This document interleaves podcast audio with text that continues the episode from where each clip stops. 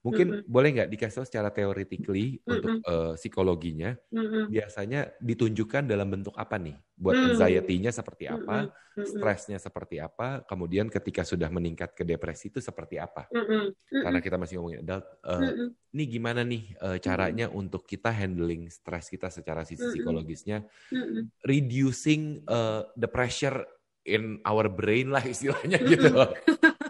Jadi udah burn out gitu Iya, ya, heeh, panas banget gitu ya. Jadi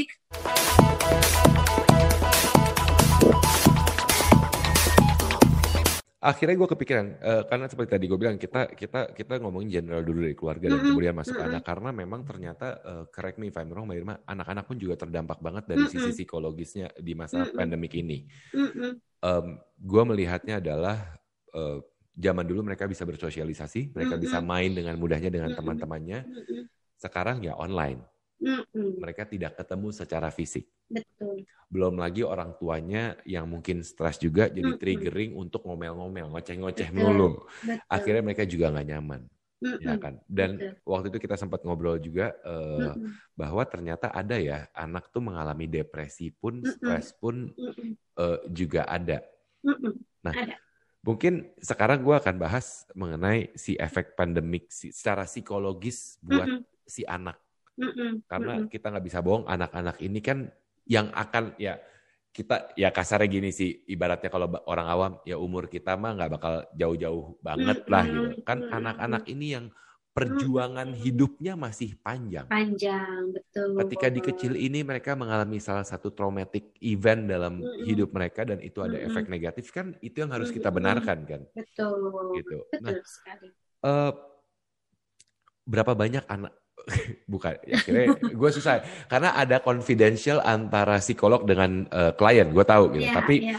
tapi boleh nggak gue tahu misalnya dari ruang tumbuh eh, .id Hmm. sendiri ataupun juga. Mbak Irma gitu ya Mm-mm. Berapa persentase sih peningkatan anak-anak mengalami stres saat ini Mm-mm. kita Banyak ngomong persentase banget. aja Persentase. eh, 300 mas- persen mungkin nggak ya.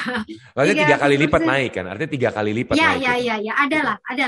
Ya, aku sendiri itu pasti eh, setiap bulan tiga atau empat eh, mega Klien anak baru dan gitu. remaja klien baru yang memang eh, minta sama parentsnya sih. Bagusnya nih ya, Mas Niko, Ya. dengan adanya platform seperti ini, Hmm. anak-anak tuh memang jadi concern banget sama mental health issues-nya gitu. Ya. Dan memang aku kan juga mereka yang aware itu adalah anak-anak yang preteen sampai teen sih gitu ya. Iya. Jadi memang mah aku pengen banget ketemu sama psikolog gitu Hmm. kan. Aku pengen udah nggak ini, nyaman, pengen- apa ini Aku ya, udah ha-ha. nyaman gitu ya. Aku ini aku ini segala macam. Jadi eh, memang terjadi peningkatan atau misalnya memang orang tuanya yang mulai concern karena terjadi banyak perubahan perilaku pada mereka.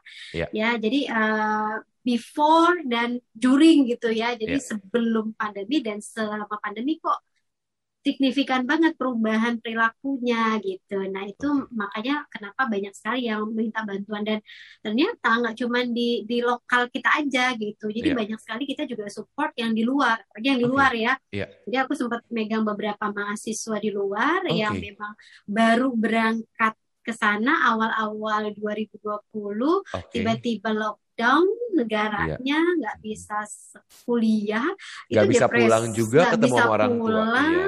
Depresi jadi kita support dia jarak jauh gitu kan Oke. banyak yang seperti itu Oke. early depression juga jadi banyak ya yang umurnya 9 10 tahun Iya. itu udah early depression Iya. onset paling muncul kalau menurut WHO Mm, mm, mm, mm. onset kemunculan masalah mental pertama itu usia 14 tahun. Dan Oke. itu memang eh, sepanjang pandemi rata-rata klienku tuh 14 sampai 16. Oke, karena kan memang 14 sampai 16 eh, masuknya preteen ya. Eh, Teens, preteen, sudah teens. teens ya. 12 yang preteen ya. Dua- ah, 10 11, 11 10, 10 ya. 11, 12 preteen. Preteen. Nah, mungkin kalau preteens dan juga teens itu kan memang memang secara kemampuan analogi eh, kemampuan eh, logika mereka sudah, Sudah eh, mulai terbentuk, berkembang, sudah berkembang betul. sehingga mereka bisa menganalisa diri sendiri. Mm-mm, mm-mm. Jadi makanya tadi kan Mbak Irma juga bilang, iya kok klien-klienku banyak yang memang sudah masuk preteen dan teen yang memang minta. Oke, kalau memang udah usia-usia seperti itu Mbak Irma. Tapi the problem, the problem saat ini adalah anak-anak kayak usia anak-anakku. Misalkan balita dan usia balita dan sekolah. ya eh, balita eh, toddler usia sekolah Ya. sampai dengan 10 tahun yang mereka Mm-mm. sebenarnya Mm-mm. secara Mm-mm. secara kapabilitas logika berpikir logika mereka itu Mm-mm. belum Masih sepenuhnya terbentuk, ya kan? Betul, Masih terbatas. betul. Artinya kan itu responsibility dari orang tua untuk mengetahui. betul Ya, untuk kan? menjadi lebih peka. Yes. Mm-mm. Tapi nggak ada salahnya mungkin boleh di-share nggak sih? Mm-mm, Eh, mm-mm. Ya tadi balik lagi di awal Mm-mm. eh, sebelumnya kita udah ngobrol soal eh, leveling leveling dari Mm-mm. stress, anxiety, Mm-mm. eh, depression. Itu kan adult kita bisa menganal eh, men- menganalisanya sendiri. What about the kids? Anak-anak itu ada yang stresnya tampak sama Uh-uh. yang silent. Oke. Nah, jadi eh, memang kenapa orang tua harus lebih peka terhadap perubahan? Karena yang namanya masalah gangguan kesehatan mental Mm-mm. itu akan terjadi perubahan dari sisi eh, emosi. Mm-mm. Ya misalnya nih anak balita ada yang happy, kan ada yang happy go lucky ya, dia Iya, iya, iya, iya. happy aja gitu, Uh-uh, dimarahin uh-uh, ibunya happy aja. Mm-mm. Tapi kok akhir-akhir ini jadi gampang murung, tantrum dan lain sebagainya. Nah, itu harus diwaspadai ya. Terus kemudian dalam tindakan Mm-mm. ya, dulunya sama siblingsnya dia eh, sayang, dia Mm-mm. peluk-peluk. Sekarang lebih agresif. Nah, Plak. itu juga Tiba-tiba oh, tangan oh, mukul. betul, oh, berteriak gitu ya, Mm-mm. mukul dan lain sebagainya. Lalu kemudian dari segi perkataan, dulu anak yang nice, tapi kok akhir-akhir ini berkatanya lebih kasar ya, itu juga perlu menjadi perhatian ya. Oke. Lalu kemudian biasanya kalau anak-anak itu menunjukkannya ada regresi namanya. Kemunduran. Regresi itu contohnya misalnya dia sudah katakanlah umurnya 3-4 tahun sudah fase kering dari ngompol Iya. ya, multi trainingnya udah oke banget. Mm-mm. Tapi kok akhir-akhir ini uh, muncul lagi nih gitu kan ngompol lagi durasinya. Itu Oke. sebetulnya tanda stres. Oke. Nah, orang tua harus waspada gitu ya. Kenapa? Jadi kita kita eh, entah itu karena pandemi, entah Ya. karena apa, tapi itu adalah sebuah tanda stres yang orang tua harus harus Aware. waspada ya. Terus kemudian biasanya juga tantrum ya, tantrumnya menjadi lebih sering. Hmm. Tantrum ada dua nih Mas Tiko. Hmm. Tantrum yang alami sama tantrum yang memang manipulatif. Oh ya. Gitu. heeh. Ya. Ya. Nah, biasanya tantrum yang manipulatif itu umur lima tahun ke atas. Ya. Yang caper banget To get ya. what they want ya. Ya, sudah. Sementara kalau yang balita ya tantrum alami aja karena dia Ya. ya rungsing apa segala macam. Ya, Nah, itu ya. orang tua juga perlu tandai sebagai bentuk sebuah stres ya. Oke. Terus kemudian biasanya eh, mimpi buruk, gelisah ya. Oke. Jadi itu sama kalau gelisah biasanya eh, kalau anak-anak lebih sering lagi gitu, lebih Hmm. kelihatan karena dia nggak bisa cope sama itu ya. Ya. Jadi malam kebangun terus dia tiba-tiba nangis ya, Ya. terus nggak bisa tidur lagi. Terus kemudian tanda silent yang tanda silent uh, sariawan. Hmm? Itu sariawan itu juga tanda stres. Itu Oke. silent, silent Oke. stress. Jadi Oke. kalau ada anak yang Mhm. kemudian uh, sariawannya nggak hilang-hilang Mm-mm, ya, mm-mm. terus kemudian setelah dicek sebetulnya uh, kondisi organ mulutnya tuh nggak ada jamur segala Iya, macam uh, uh, gitu kan, tapi hanya imunitas tubuhnya saja rendah Ya, karena betul. sebetulnya dia stres. Nah itu juga nggak seimbang ya. Mm-mm, Oke. nggak sinkron, nggak seimbang, Nah, kemudian memicu gitu ya. Itu sariawan juga salah satunya. Oke. Terus kemudian eh, kalau yang sudah lebih besar lebih kelihatan ya. Kalau anak-anak kadang-kadang konsentrasinya rendah, Mm-mm. terus nggak mau ngerjain tugas, nggak mau ikut daring ya. Nah itu sebe- sebetulnya sebuah tanda yang orang tua perlu pahami. Dan mereka memang nggak bisa bilang, Mama aku tuh stres. Ya mereka nggak paham. Nggak Mereka belum paham. paham. Mm-mm. Makanya dari tanda-tanda yang ditampilkan itu orang tua harus bisa scanning Oke. gitu kan. Oh ini anak saya terjadi perubahan perilaku dari yang biasanya memang mungkin jangan-jangan dia dalam kondisi yang tidak nyaman. Nah, lalu kita feedback dong, evaluasi diri gitu. Kenapa gitu ya? Bisa jadi karena perlakuan kita akhir-akhir ini yang menekan dia mungkin. Terus kemudian eh, atau misalnya tugas sekolahnya yang makin lama makin numpuk dia sendiri Ya. jadi nggak bisa organize Ya. ya. Kalau ada udah SD, terus atau mungkin gurunya boring eh, Ya.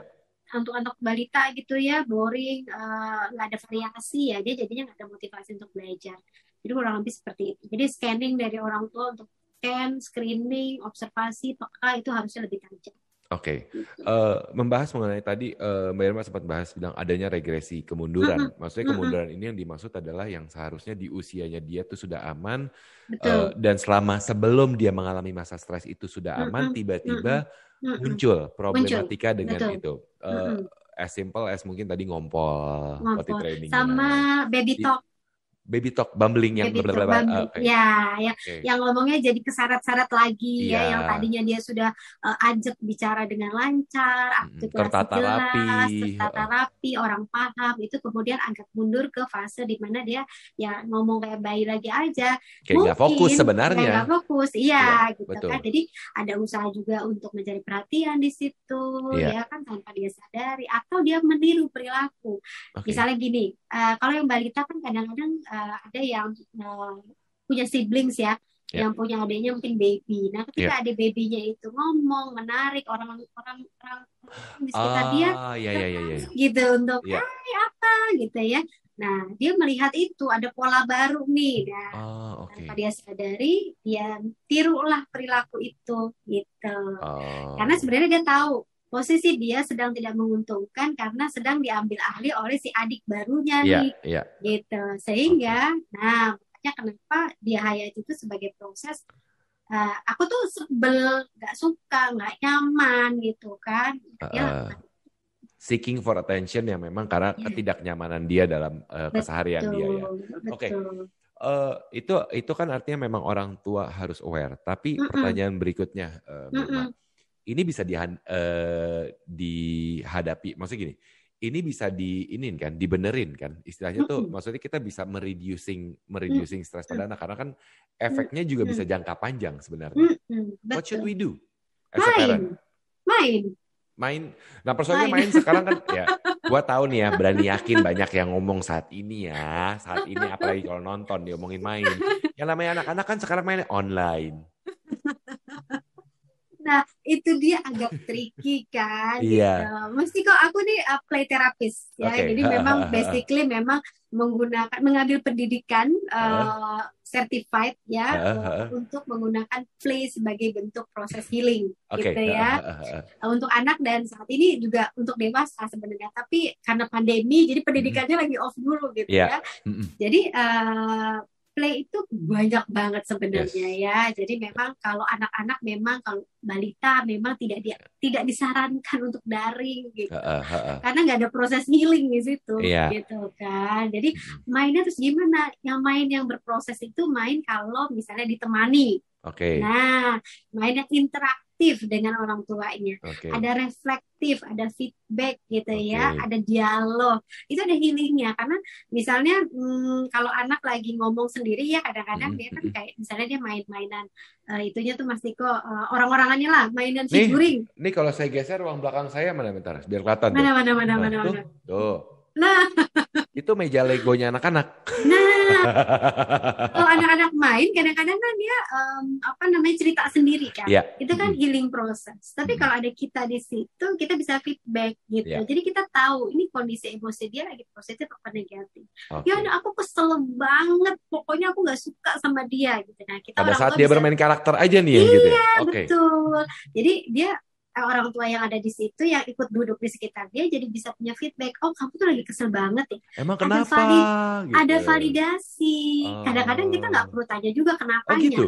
Ya, jadi Oke. kalau proses reflektif untuk Heeh. healing itu kita Heeh, nggak perlu tanya why-nya Oke. gitu ya. Jadi misalnya dia bilang, aku tuh kesel banget deh gitu kan sama Heeh, teman aku si ini. Heeh, Kita cukup bilang, oh jadi kakak tuh kesel banget ya sama dia. Ah. Supaya dia tahu kita memvalidasi perasaannya gitu. Oh, Nanti dia oke. akan nyalin, iya aku kesel karena dia tuh selalu bla bilang, bla bla bla bla bla bla. "Oh, oh, selalu Oh. bilang aku tuh misalnya gendut gitu. Oh, Ya, oke. jadi muncul sendiri di situ. Oh, Terus kemudian kita akan bilang, oh jadi kakak sel- selalu dibilang gendut sama dia. Iya, aku kan nggak suka. Oh kakak nggak suka. Jadi ada proses feedback gitu ya. Nah Oh, itu oke. sebetulnya fungsi Oke. counseling.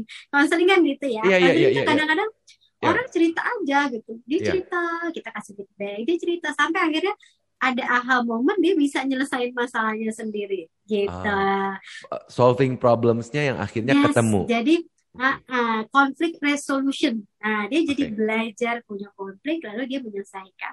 Lalu kemudian ah, kalau anak-anak ya selain main, aktivitas fisik itu harus ya Hmm. makanya kalau seharian duduk depan layar itu stressful loh. Iya. Sebenarnya buat otot mukanya, matanya, badan itu stressful.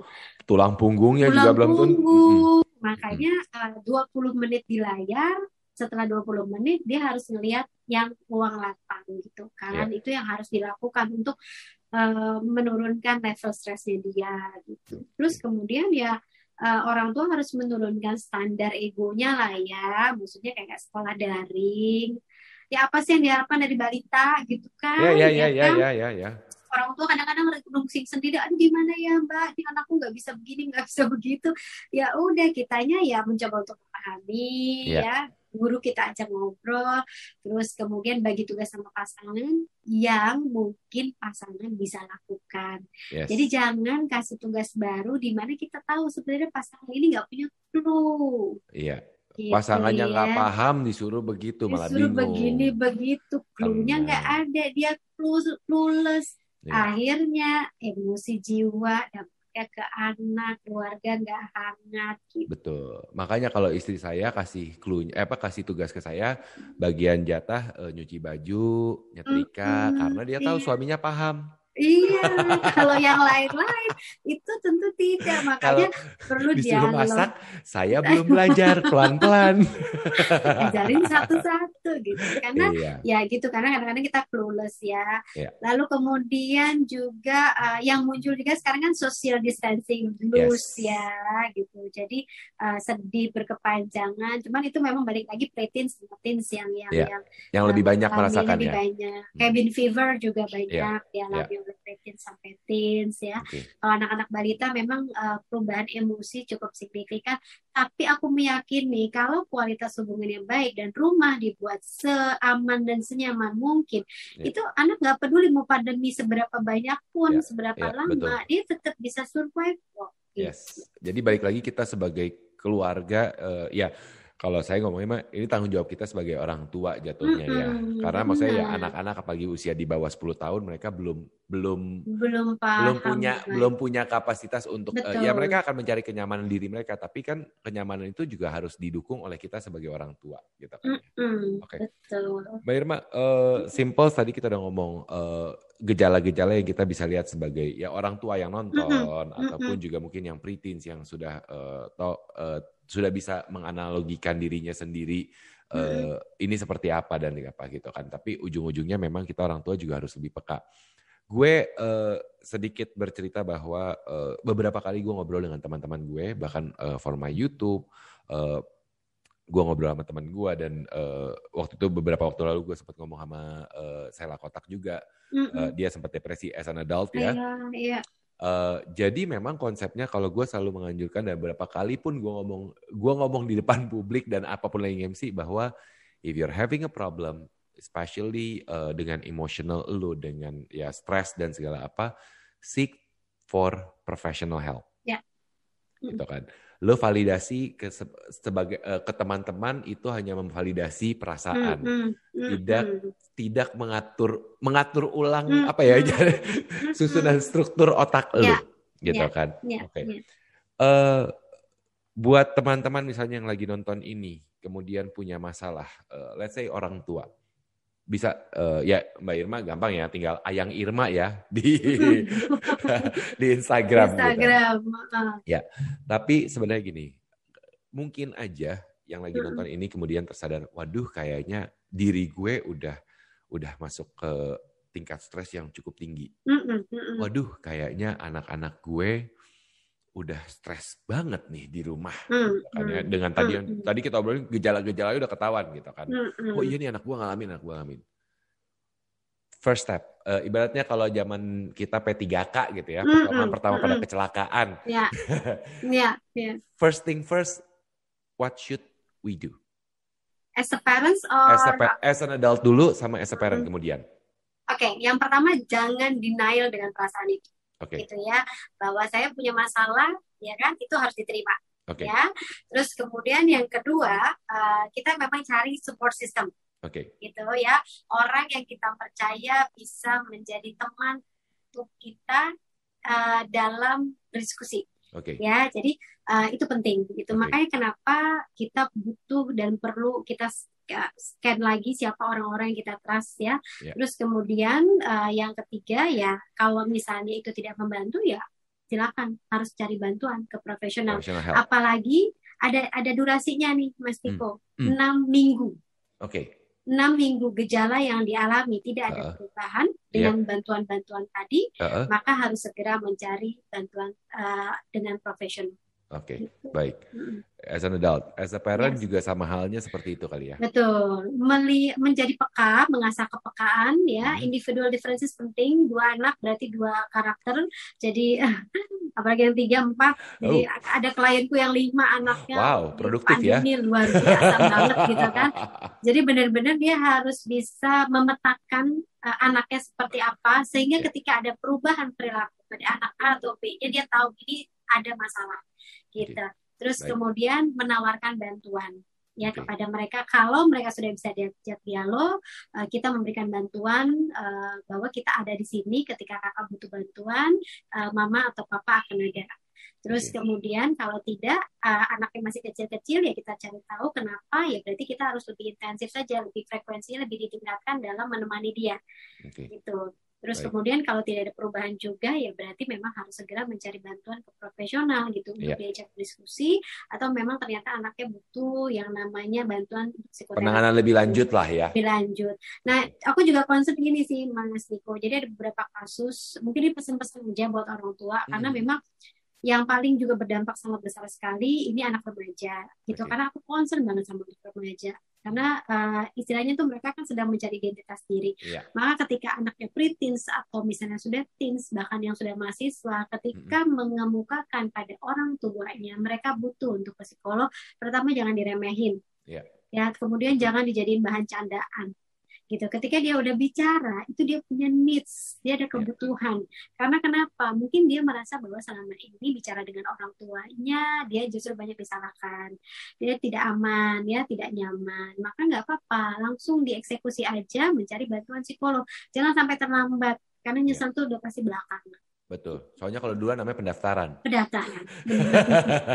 yes, tapi I do agree on that. I do agree on that. Bahwa uh, kadang-kadang yang sebenarnya uh, menjadi masalah buat banyak orang adalah ketika mereka mengemukakan kegundahannya, kegelisahannya dan dan ini adalah sebenarnya sudah bentuk stres. Kadang-kadang orang ya kembali lagi sih sebenarnya kita harus memilih support system yang benar ya. Betul. Terkadang kita terjebak dalam sebuah dalam tanda kutip support system tapi ternyata sebenarnya itu bukan sebentuk sebagai bentuk support system yang benar. Betul, kita betul. kita cerita apa kadang-kadang ah cuman gitu doang, ah lu gitu doang. Enggak, seek for professional help adalah betul. memang mungkin itu adalah solusi yang bisa kita uh, lakukan untuk mendapatkan kualitas hidup yang lebih baik. Karena saat ini kualitas hidup yang lebih baik itu bukan cuma soal duit, bukan cuma soal uh, barang-barang yang mewah, mm -hmm. tapi ketenangan hati dan ketenangan betul, pikiran. Betul, ya, Kesejahteraan kan? sosial secara yes. umum pribadi. Gitu. Oke, okay. Mbak Irma, sebelum mengakhiri uh, obrolan kita, ruangtumbuh.id itu apa sih sebenarnya? Oh, oke. Okay. Jadi kita tuh klinik gitu okay. ya, klinik psikologi ya. Hmm. Jadi melayani uh, semua orang ya. Okay. Jadi kita nggak mau kotak-kotakan khusus karantina aja. Mm-hmm. Jadi semua yang uh, ingin membutuhkan bantuan dari segi mm-hmm. pelayanan psikologi, konseling, okay. uh, mm-hmm. terapi, mm-hmm. ya itu uh, insya Allah bisa diakomodir oleh ruang tubuh. Okay. Kantor kita ada di Jatiwaringin dan kemudian yang uh, cabangnya ada di Pinang Raya. Oke. Okay. Dan kemudian kalau sekarang uh, bisa online juga artinya ya? Online, iya. iya. Delapan puluh persen online.